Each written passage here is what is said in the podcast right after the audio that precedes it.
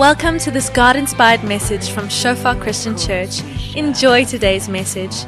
May you experience the presence of our Father and may you grow deeper in your relationship with Him. Oh Jesus, your love overruns. Ons titel vir vanoggend is laat ons hardloop met ons oë op Jesus. Klink bekend, dis 'n stuk skrif in Hebreërs 12 vers 1 en 2. En ons gaan vanoggend bietjie na dit kyk. En uh die rede daarvoor is dit nogal 'n interessante deel van die jaar. Hey, Januarie is interessant op 'n sekere manier. Ons 'n bietjie opgewondenheid, hoop en mense wat klomp goeders probeer doen en bereik en ons doelwitte en 'n goals. En van ons wat hier sit, weet nie meer wat dit was nie. Januarie is nou verby. Daai tyd van die jaar is nou verby. Die doelwit is nie meer daar nie, dit was nie bereik nie. Dit is nou maar een van daai dinge. En gewoonlik is dit hierdie tyd van die jaar wat gaan maak of breek of ons eintlik groei. Nou of dit nou fisiese groei is of dit nou emosionele groei is, geestelike groei is of dit iets by die werk is. Baie keer is hier in Februarie waar die hoofsaaklike ding is of die wiele gaan opbly of die wiele gaan afkom. Of dissipline toegevoeg gaan word en ons eintlik gaan by uitkom waarby ons wil uitkom of ons van die bus af gaan val en bietjie gaan uitsak. En die rede daarvoor is Januarie, almal is reg en gereed vir hierdie jaar om weer te begin. Met almal bedoel ek meeste van ons. Sekere mense is ook seker nie heeltemal gereed vir die jaar om te begin nie, maar het in elk geval. En hier is ons al in Februarie. Maar als begin en soos wat die jaar aan die gang kom, raak dit besigger en besigger en ons meer goed om op te fokus en meer goed wat inkom en is so moeilik om te bly fokus op dit wat ons veronderstel is om te bly fokus om te prioritiseer wat ons veronderstel is om te prioritiseer. En dit is so belangrik om in hierdie tyd van die jaar doelbewus en intentioneel onsself te herinner aan dit wat belangrik is en op dit wat ons moet fokus en op dit wat ons moet prioritiseer sodat ons seker maak ons bly op koers. Ons volëindig die wedloop. Dit is waar van elke liewe dag wat ons leef. Hoopelik aan die einde van die dag kan ons sê dat ons het gedoen wat ons veronderstel was om te doen daai dag einde van elke week, elke maand, elke jaar, maar ook so aan die einde van ons lewens. Om te sê dat ons het gedoen wat ons veronderstel was om te doen. En vanoggend wil ek met ons drie punte deel. Een punt vir refleksie om intentioneel te dink, is dit waar van my lewe? Tweede punt van toepassing en 'n derde punt wat hopelik 'n bietjie bemoediging bring, soos wat ons hierdie ding wat lewe genoem is, aanpak. En ons gaan lees uit Hebreërs 12 van vers 1 tot 2, maar net voor dit wil ek vir ons 'n stuk skrif deel in 2 Timoteus 4 vers 7 wat so half die eindpunt is, die die die die doel voor oë, daar waar ons wil uitkom. En as Paulus wat op die einde van sy lewe 'n brief skryf vir Timoteus. En hy skryf hom die volgende net voordat hy ook vir Timoteus sê dat die tyd van sy heen gaan is naby. Hy gaan nou amper doodgemaak word vir sy geloof. Die Here het dit vir hom geopenbaar. Maar dan skryf hy vir hom die volgende die volgende En hy sê vir hom: Ek het die goeie stryd gestry. Ek het die wedloop volëindig. Ek het die geloof bou. En van alles wat ons hopelik wil sê aan die einde van ons lewe is dit dit. Mag dit dit wees. As klomp goed wat ons kan sê, maar hier is die belangrike ding. Dat ons op die einde van ons lewe ook kan sê dat ons die goeie stryd gestry het. So vir Engels sal sê I fought the fight. Ek het die geveg gewen. Ek het die wedloop volëindig. Ek het die geloof behou. Dis wat belangrik is. Hoopelik is dit die begeerte van elkeen se hart om dit te kan sê. En voordat ons beweeg na Hebreërs 12, te wil ek hê ons net vir 'n oomblik oplet op Paulus se woordkeuse hierso. Hy sê die goeie stryd gestry, die wedloop volëindig, hy die geloof behou. Dis intentionele aktiewe ding wat Paulus besig is om te doen en te beskryf. En dis ook nie 'n baie maklike ding nie. Ek het die geveg geveg. Ek het die wedloop volëindig. Dis goed wat moeilik is wat deursettings vermoë vereis. Net iets wat eenvoudig gebeur nie. En as Paulus die Christelike lewe opsom, dan sê hy nie ek het die geloof bekyk nie. Hy sê ek nie die stap in die parkie geniet nie. Nee, dis 'n geveg wat geveg moes word, dis 'n wedloop wat voltooi moes word. Dis iets wat moeilik is, veel eisend is dissipline vereis. En die vraag wat ek vir ons vanoggend moet vra is is as ons dink aan ons Christelike geloof en hoe ons besig is om Jesus te volg, Som ons dit ook so op. Is dit ook 'n stryd wat gestry word, 'n geveg wat geveg word, 'n wedloop wat gehardloop word. Iets wat iets van ons vereis. Moeite of deursettingsvermoë. Want as dit nie is nie, dan is ons besig met die verkeerde resies. Ons het by die verkeerde plek opgedaag. Ons is dalk besig om te stap, maar is nie dit waar God wil hê ons moet stap of dit waarmee hy wil hê ons moet besig wees nie. Jy moet my nie verkeerd verstaan nie. Ek sê nie dit gaan altyd moeilik wees en dit gaan net swaar kry wees en 'n gesukkel wees nie. Maar dit verg intentionaliteit om Jesus te volg. Daar's baie goed wat ons aandag wil aftrek, daar's baie goeders wat ons wil verhinder om Jesus te volg. Dis 'n intentionele ding om Jesus te volg, om vir hom te bly kyk en te bly hardloop en te bly doen wat ons veronderstel is om te doen. Veral soos lewe besig raak. Ek meen vir die mense wat kinders op skool het, hulle weet nou al Februarie is aan die gang. Daar's akademie, daar's sport, daar's kultuur, daar's soveel goed wat gebeur. En hoe moeilik dit raak met al die dinge van lewe om regtig te fokus en intentioneel besig te wees met dit wat ons moet besig wees. Vat intentionaliteit. Soveel so dat Jesus homself sê in Lukas 9:62 dat wie ook al sy hand aan die ploeg sit en terugkyk, nie geskik is vir die koninkryk van God nie. Dis harde stelling. Wie ook al sy hand aan die ploeg sit en terugkyk, is nie geskik vir die koninkryk van God nie. Wat hierdie gaan vereis is 'n intentionele doelbewuste beweging in 'n rigting en aanhou beweeg, aanhou vorentoe kyk. Gelukkig vir ons beteken dit nie as ons al terug gekyk het ons gediskwalifiseer is nie, want as ons terug gehardloop kom na die Vader toe dan sy arms weer oop. En vergifnis is daar en ons beweeg vorentoe, maar dit verduidelik iets van wat dit beteken om Jesus te volg. Intentionaliteit wat bygesit moet word. En in lig van dit beweeg ons nou na Hebreërs 12. Dit is in lig van dit wat die skrywer van Hebreërs wil skryf. Die hele konteks van die boek is om die kerk te bemoedig wat sukkel om die resies klaar te maak, wat sukkel om die geveg te veg. Vir verskeie redes en ons gaan nou daarna kyk. En die skrywer wil hulle bemoedig om aan te hou hardloop om klaar te maak. En hy sê die volgende: Terwyl ons dan so groot skare geloofsgetuies rondom ons het, laat ons elke las van ons afgooi. Ook die sonde wat ons so maklik verstrik. En laat ons die wedloop wat vir ons voorlê met volharding hardloop. Die oog gefestig op Jesus, die begin en volëinder van die geloof. Terwille van die vreugde wat vir hom in die vooruitsig was, het hy die kruis verduur sonder om vir die skande daarvan terug te deins. En hy sit nou aan die regterkant van die troon van God. Twee verse maar so kragtig en soveel waarhede wat ons hier kan uithaal. En die eerste een sien ons hierso in vers 1. En dit sê daar op die einde en laat ons die wedloop wat vir ons voorlê met volharding hardloop. Laat ons die wedloop wat vir ons voorlê met volharding hardloop.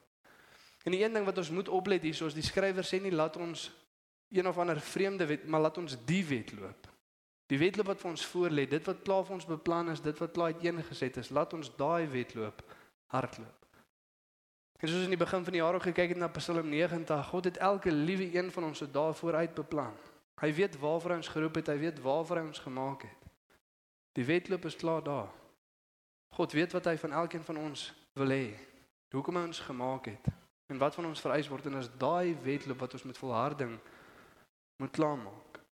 En is in lig van dit wat die skrywer vir die Hebreë skryf, en hier is al die kernpunt, die die middelpunt van die boek, die aksiepunt van die boek. Om mense te bemoedig om aan te hou hardloop. Want hulle is besig om te sukkel. En hulle sukkel vir drie redes hoofsaaklik. Die een is passiwiteit. In Hebreërs 5 vers 12 dan lees ons dit. En die skrywer skryf vir ons dit al 'n paar keer hierdie jaar hierdie teksvers aangehaal. Maar hy sê vir die kerk dat as mens al dink hoe lank jy gelowiges is, moes jy al onderrig in die geloof kon gee. Maar hulle kort iemand om weer vir julle die basiese beginsels van die geloof te leer. Met ander woorde, die mense weet waar die baan is, hulle weet waartoe om te hardloop, maar hulle staan by die beginpunt en hulle spring net nie weg nie.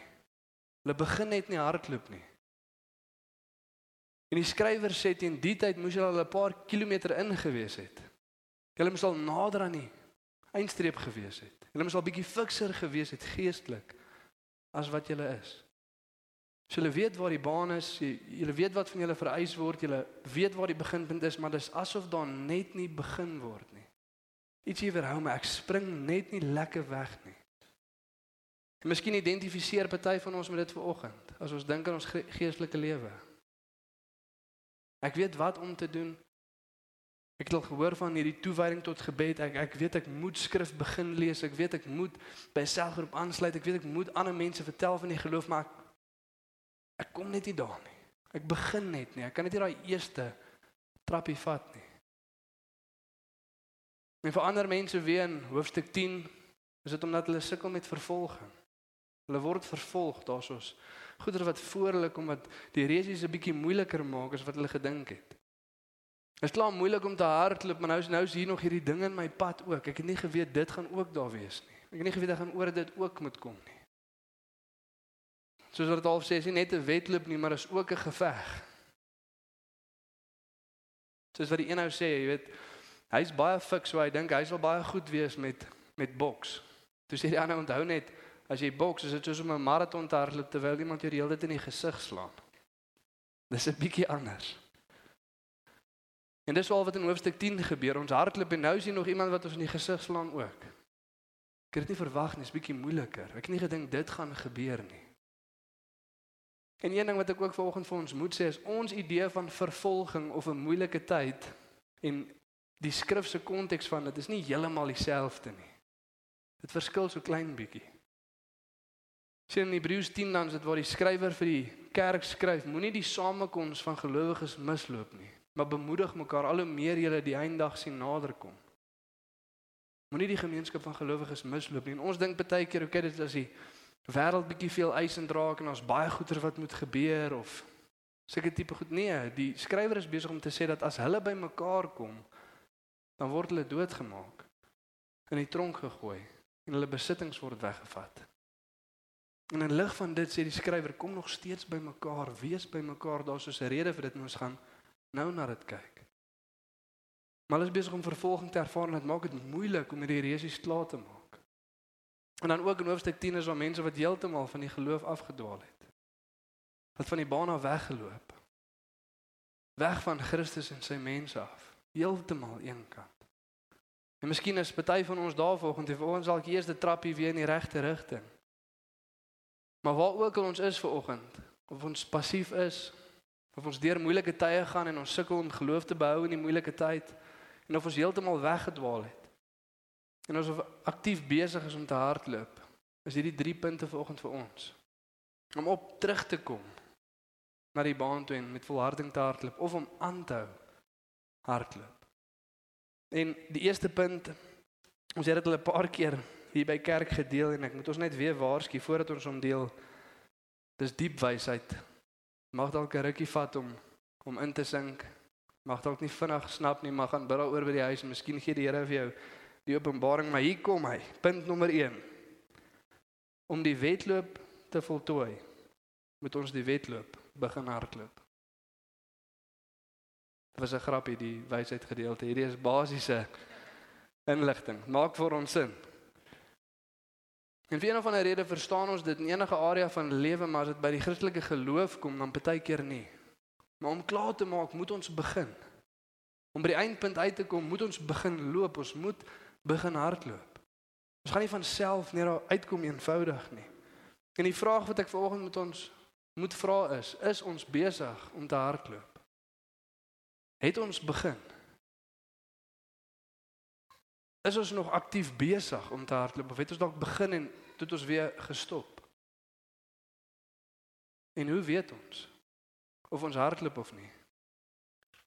Jy sien een van die interessante goed van die Christelike geloof is ons word baie vinnig mislei van wat dit beteken om deel te wees van iets.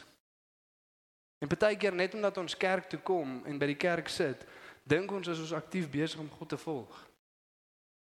Maar soos wat Billy Sunday gesê het, net om in die kerk te sit, maak jou nie 'n Christen nie, net soos wat in jou garage staan, jou nie 'n kar maak nie. Né? Nee? En dit gebeur baie keer, baie keer dan aanskou ons hoe sekere mense besig is met goed en dan dink ons ons is ook deel. Of ons neem ook deel. En is nie altyd so nie. As jy die rappie gaan kyk hier naweek en kom ons sê jy gaan Ellis Park toe en die Springbokke speel teen Ierland en jy kom terug en iemand vra vir jou, "Hey, wat het jy die naweek gemaak?" Dan sê jy nie ek het rappie gespeel nie. Jy sê jy het rappie gekyk. Daar's so 'n verskil. Maar baie keer in ons Christelike lewe dan sê ons, nee, ons het rappie gespeel. Teen wie nie teen Ierland. Ek gaan sê dit vir iemand by die werk môre dan kyk jy hoe reageer hulle. Hulle gaan vir jou sê nee my vriend, ek dink gaan sit iewers, gaan dink lekker mooi waarmee jy besig was, maar dit was nie dalk dit nie. En dit gebeur baie keer met Christendom. Ons gaan na 'n plek toe of ons kom sit in die kerk en ons sien hoe baie mense aktief God volg en aktief deelneem en aktief goed doen. En dan dink ons van selfsprekend ons doen ook, maar ons moet ook begin beweeg. Ons moet ook hardloop. Dit gebeur nie van self nie. Een van die pastore in die omgewing het iets gedeel die naweek op sy WhatsApp status en dit was my nogal mooi geweest en dit, dit pas so mooi by Annie by. En hy sê ons verander nie die wêreld om kerk toe te gaan nie, maar ons verander die wêreld deur die kerk te wees. Daar's 'n verskil. Ons verander nie die wêreld om kerk toe te gaan nie, ons verander die wêreld deur die kerk te wees. Om aktief te doen dit wat God ons roep om te doen en nie net aanskou nie. Baie belangrik om die wedloop te voltooi, moet ons die wedloop begin hardloop.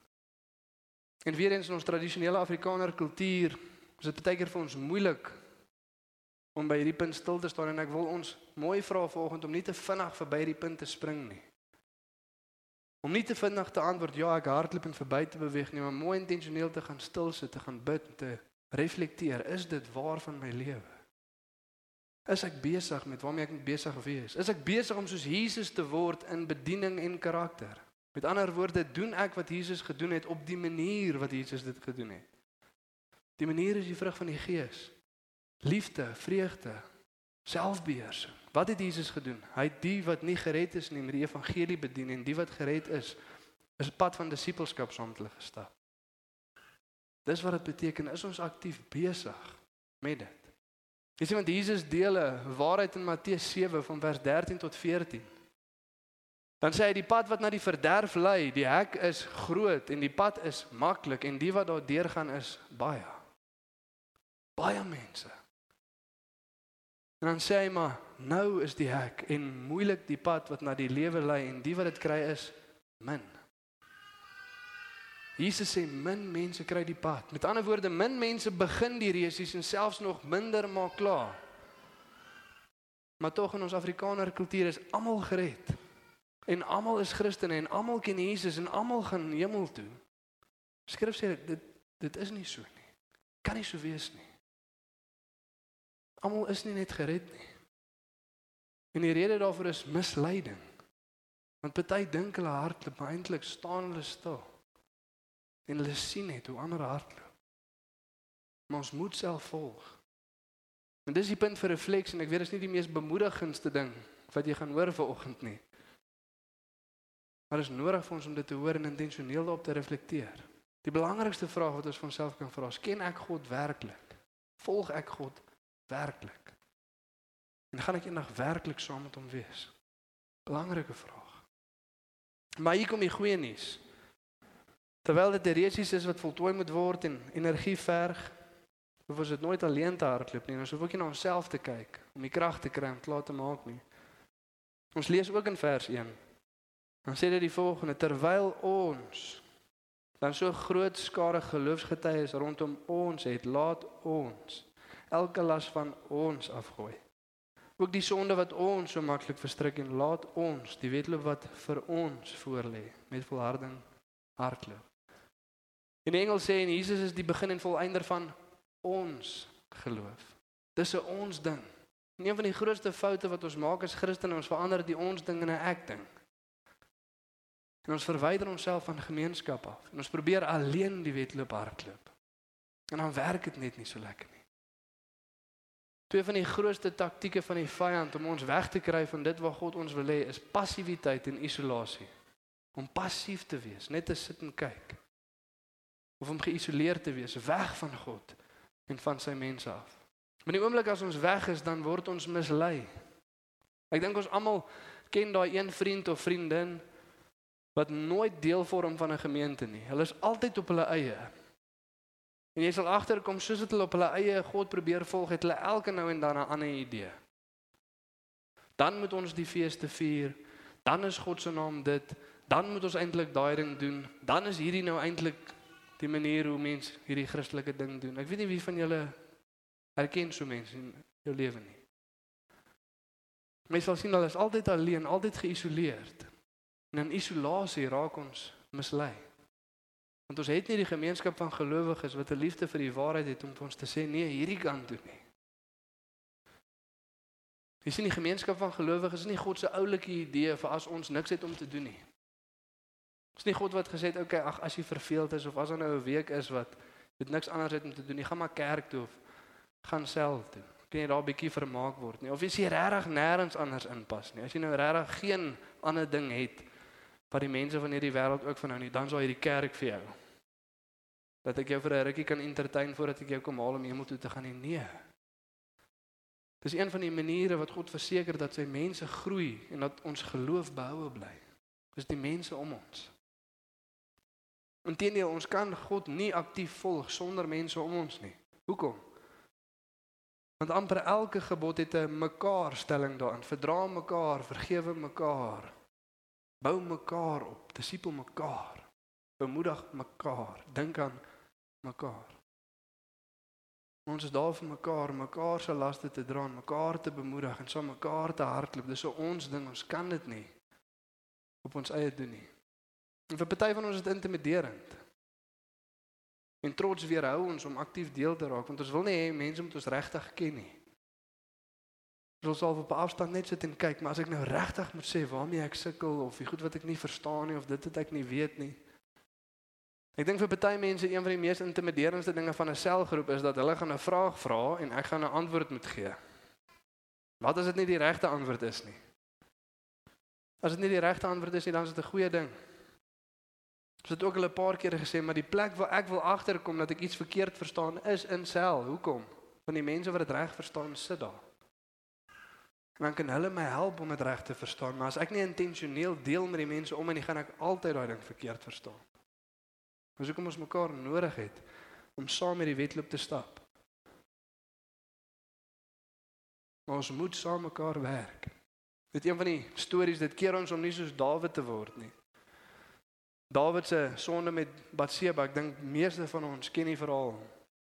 Maar Dawid hierdie groot man van God wat vir Goliat doodmaak, wat psalms skryf, wat die beer en die leeu doodmaak, krag van God ontvang.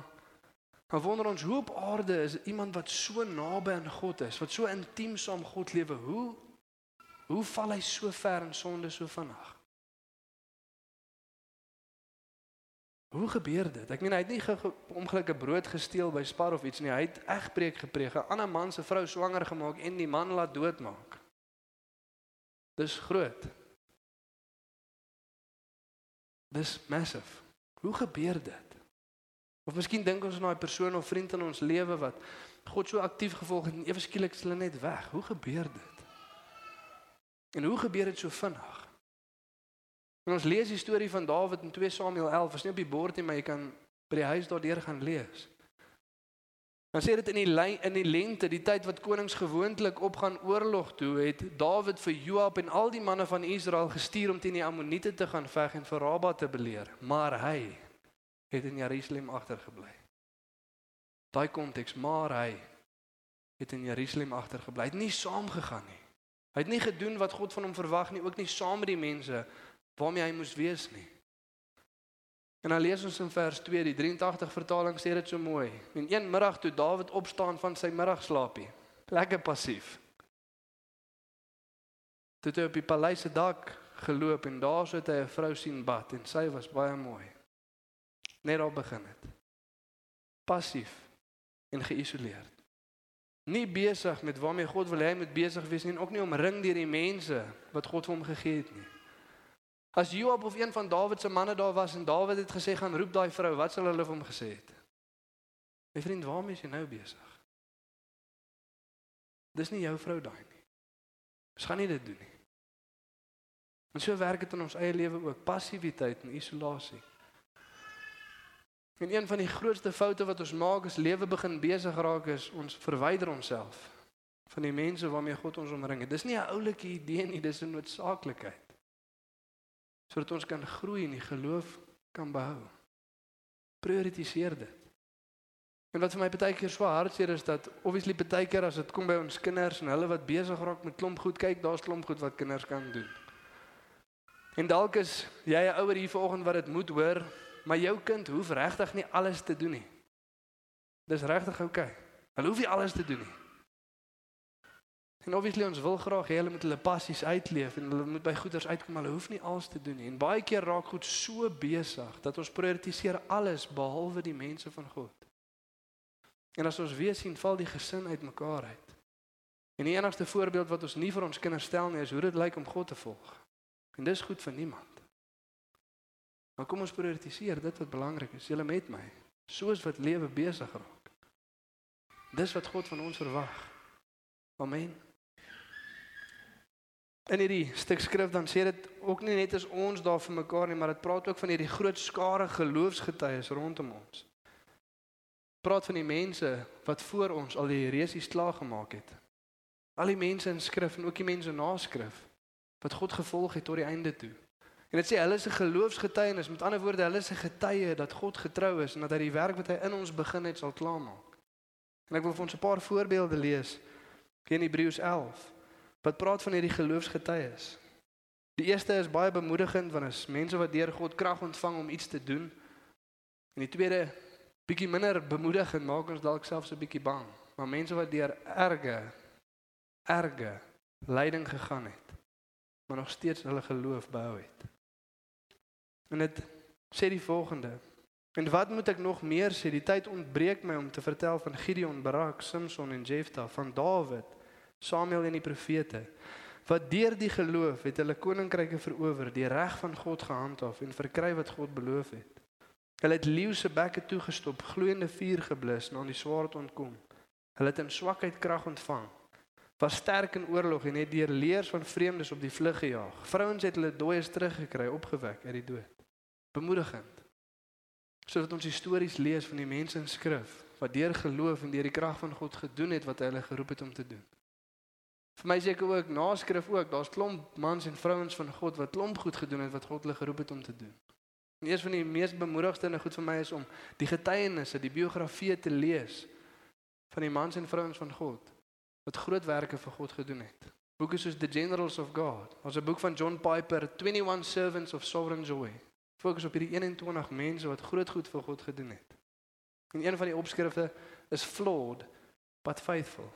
Ook foute, ook mens, ook sondaars. Maar deur die krag van God, deur geloof, nog steeds gedoen wat God gesê het. En dan kom daar die moeilike een. Die mense wat deur lyding nog steeds deur God geloof ontvang het, omdat hulle geweet het hulle gaan na 'n beter lewe toe. En dit sê ander gelowiges wou nie die prys vir hulle vrylating betaal nie en is doodgemartel. Hulle wou die opstanding tot 'n beter lewe deelagtig word. Ander weer het bespotting en lystraf verduur, selfs boeye en gevangenskap. Die gelowiges is met klippe doodgegooi en in stukke gesaag, met die swaard vermoor. Hulle het rondgeswerf in skaapvelle en in bokvelle. Hulle het gebrek gely en is verdruk en mishandel. Die wêreld was hulle nie werd nie. Hulle het rondgeswerf in woestyne, op berge en het in grotte en in gate in die grond gelewe. Maak party van ons 'n bietjie angstig Want die Here kan jou ook roep om dit te doen. Dit kan ook die einde van ons lewe wees. Ons almal wil dalk doodgaan, jy weet eendag rustig in jou bed terwyl jy oud is of hoe ook al. Maar die skrif sê party is met die swaard vermoor of in stukke gesaag. Dis wild. Dis wild. Maar deur die geloof, deur die krag van God, omdat hulle aan 'n beter lewe wou deelagtig hê, nog steeds die geloof bou. Mag dit geloof in ons kweek. Wat is nou punt nommer 2 toe? Ons hoef nooit alleen te hardloop nie. En ek sê ons hoef nooit in plaas van ons sal nooit want jy kan jouself intentioneel verwyder van gemeenskap. Jy hoef nooit. Op partykeer kies ons om alleen te hardloop. Partykeer kies ons dit. Ons kan onsself verwyder van gemeenskap. Moenie dit doen nie. Wees intentioneel daarso saam met God se mense en ek wil ook hê ons moet ons gedagtes so 'n bietjie draai want baie keer as ons dit hoor dan dink ons jy's dis goeie nuus al hierdie mense is hier om my te help. Maar God verwag van ons om 'n ander mentaliteit te hê en te dink ek is hier om almal te help. Maar hoe kan ek die mense om my bemoedig? Hoe kan ek mense motiveer om aan te hou hardloop? Om aan te hou kyk na God, om aan te hou doen wat hy ons geroep het om te doen. Amen. En miskien dink jy aan daai persoon wat altyd God gedien het of daai persoon wat langs jou gesit het in selgroep. Saam met jou op 'n missie gegaan het. En jy weet nie waar hulle is nie. Skrif sê reik uit na daai broer of suster toe. Bemoedig hulle om weer op koers te kom, om weer te begin hardloop, om weer God te volg. Maar kom ons help mekaar. En ons wil vir die sê wat hierso sit ook is, is moeg raak hierdie jaar. Party van ons het hierdie week so 'n bietjie van 'n moegheid geervaar. Ons sal jou dra, maar ons gaan vorentoe beweeg. Amen. Om daar te wees vir mekaar, mekaar te bemoedig en vir mekaar te bid. En ook julle aangemoedig het as jy regtig hierdie week 'n vreeslike moegheid beleef het. Jy weet nie van waar dit kom nie. Bid vir mekaar. Want die geveg is ook daarso. Die oorlog is geestelik. Dit is nie net 'n natuurlike ding nie. Jy het gehoor van baie mense hierdie week, jong, jy wonder, jy eet reg en jy doen alles reg, maar jy bly moeg. Dis 'n geestelike oorlog en ons moet daarvoor vir mekaar ook bid. Amen. En terwyl ons saam met mekaar hardloop, kyk ons nie na mekaar nie. Daar's 'n ander een vir wie ons kyk en gesamentlik na kyk en daar kom ons bemoediging vandaan. Ons lees dit in vers 2. Die oog gefestig op Jesus, die begin en volëinder van die geloof. Terwille van die vreugde wat vir hom in die vooruitsig was, het hy die kruis verduur sonder om vir die skande daarvan terug te deins. En hy sit nou aan die regterhand van die troon van God. Ons kyk na Jesus. En baie van ons ken hierdie stuk skrif, ons het dit al 'n paar keer gehoor, ken dit dalk goed. Maar ons weet hoe moeilik dit is as lewe begin besig raak. Goeders begin gebeur. Om na Jesus te kyk en op Jesus te bly fokus in ons eie kapasiteit. Vir die eerste punt was ook gewees dat ons moet begin hardloop. En een van die vrae wat ons osself kan vra om te weet of ons begin hardloop of ons aanhoudend besig is om te hardloop is wie sit die meeste in in jou geloof?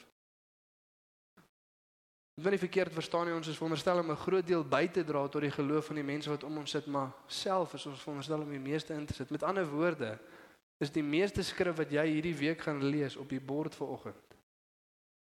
Want as dit is, dan moet jy nie besop vir passiwiteit nie, maar jy is heel moontlik klaar passief. As die meeste lofprysing wat hierdie week gaan gebeur, dit was wat ver oggend gebeur het. Is jy heel moontlik klaar passief klaar besig om nie te hardloop nie. Klaar oë van Jesus afgehaal.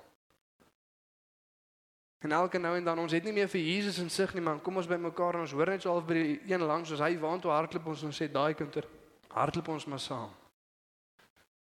Maar ons het ons oë van Jesus afgehaal. Die gebede wat gaan gebid word hierdie week is die meeste gebed wat hierdie week gaan gebeur, dit het vanoggend hier gebeur het. Of gaan ons self by God gaan indruk? Vir die van ons wat kinders het, is die onderrig wat ons kinders in die geloof gaan kry, die meeste inset wat hulle hierdie week gaan kry vanoggend by kinderkerk. Of gaan ons self hierdie week vir ons kinders leer om te bid. Die woord vir hulle lees, vir hulle verduidelik en vir hulle wys hoe dit lyk om Jesus te volg. Is die oë nog gefokus op Jesus? Want ons weet ons moet dit sê, maar wat beteken dit? beteken intentionele tyd wat ek eenkant gaan my Bybel oopmaak, die woord van God is Jesus en kyk en lees en sien. En in lofprysing en gebed nader tot God. Amen. Dit is wat dit beteken. En dit klink maklik. Maar soos wat die lewe besig raak, raak dit moeilik. En nog 'n vraag wat ons vir onsself moet vra is wat beteken dit? Wat is ons veronderstel om te sien as ons na Jesus kyk? Kan 'n oulike Christelike ding raak wat ons sê kyk net na Jesus. Kyk maar wat is ons veronderstel om te sien? Miskien om vir ons volgende die vraag te vra, wat sien jy as jy na Jesus kyk? Wat gebeur? Wat beweeg? Hoe is dit veronderstel om ons te motiveer? En ons 'n paar redes en vanoggend wil ek net twee met ons deel. Die eerste een sien ons hier in Efesiërs 2 van vers 7 tot 8. En dit sê sodat hy in die eeue wat kom kan betoon die uitnemende rykdom van sy genade in goedertierendheid oor ons in Christus Jesus. Want uit genade is jy gered deur die geloof en dis nie uit jouself nie. Dit is die gawe van God. As ons na Jesus kyk, is ons veronderstel om geoorweldig te word deur sy genade. Om te besef dat hierdie ding, Christelike geloof, hierdie resies, ek het nie veroorsaak dat ek begin nie. En dan gaan heel moontlik ook nie veroorsaak dat ek klaar maak nie. Daar's 'n ander een wat ons krag gee en dis Jesus. Jy sien een van die slim taktieke van die vyand is om ons te om na onsself te kyk in plaas van om na Jesus te kyk. Val as ons weer vasgevang raak in daai sonde, daar's daai ding wat ons konstant mee sukkel en alweer. Ek het laas keer gesê ek gaan nie en ek het laas keer vir die Here gesê Here, dis die laaste keer en wragtig weer. Hier sê ek weer. En soos wat Daniël ook gesê het, dan voel ons al verken nie, maar nou moet ek myself eers regkry voordat ek na Jesus kan kyk. Ek moet vir God wys, die keer het ek die krag, die is die jaar wat ek dit nie gaan doen nie. Hierdie keer gaan ek ophou. En ek gaan hard probeer om dit nie te doen nie en dan gaan ek na God toe gaan en vir hom wys dat ek is goed genoeg. En skrif sê dit werk nie so nie. Jy het dit nie in jouself nie. Moenie daar binne kyk nie. Die wêreld wil vir ons leer kyk kyk diep binne, die motivering is daar, die dissipline is daar. Skrif sê dis nie daar nie. Ons sien in die lewe van Dawid en van Gideon en van Samson wat gebeur as jy na jouself kyk. Jy val en jy val vinnig. Dis nie daar binne nie. Ons kyk na Jesus. En sodat ons oorweldig is deur sy genade om te sien al maak ek dit nie, het hy gekom sodat in hom ek die lewe kan kry, dan motiveer dit my om vorentoe te beweeg. Amen. Paulus skryf in 2 Korintiërs 5 die liefde van Christus dring ons. Omdat ons tot die besef gekom het dat een vir almal gesterf het, daarom het almal gesterf, sodat die wat lewe nie meer vir hulle self lewe nie, maar vir hom wat vir ons gesterf het en weer opgestaan het. Amen. Die liefde van Christus dring ons. Dis wat ons veronderstel is om te sien. Die goedheid en genade van God. En tweedens, en ek maak vir ons klaar met hierdie vers. Is God se getrouheid. Filippense 1 vers 6, Paulus wat skryf. En hy sê ek is oortuig dat God die goeie werk wat hy in julle begin het, sal voortsit totdat hy dit voltooi op die dag wanneer Jesus Christus terugkom. God het die werk in jou begin en God sal die werk in jou klaarmaak. Ja, ons moet aanhou hardloop. Ja, ons moet in die geloof vashou. Ja, ons moet intentioneel by God se mense kom. Maar God is die een wat die krag gee sodat ons dit kan doen. Ons hoef nie alleen te hardloop nie, ons hoef nie na onsself te kyk om krag te kry om aan te hardloop nie. Amen. Wat is nou die laaste punt? Punt nommer 3. Kyk na Jesus. Die begin en volëinder van die geloof. Kyk na Jesus. Fokus op die evangelie. Soos wat J.H. Spurgeon gesê het, die evangelie is nie die ABC van die Christen geloof nie, dis die A tot Z van die Christen geloof. Alles gaan oor Jesus, alles gaan oor Jesus se werk op die kruis. En mag ons konstant elke dag dit voor oë hou sodat ons bemoediging kan ontvang om hom te volg. Amen. Kom ons staan volgende dan. Bid ons saam.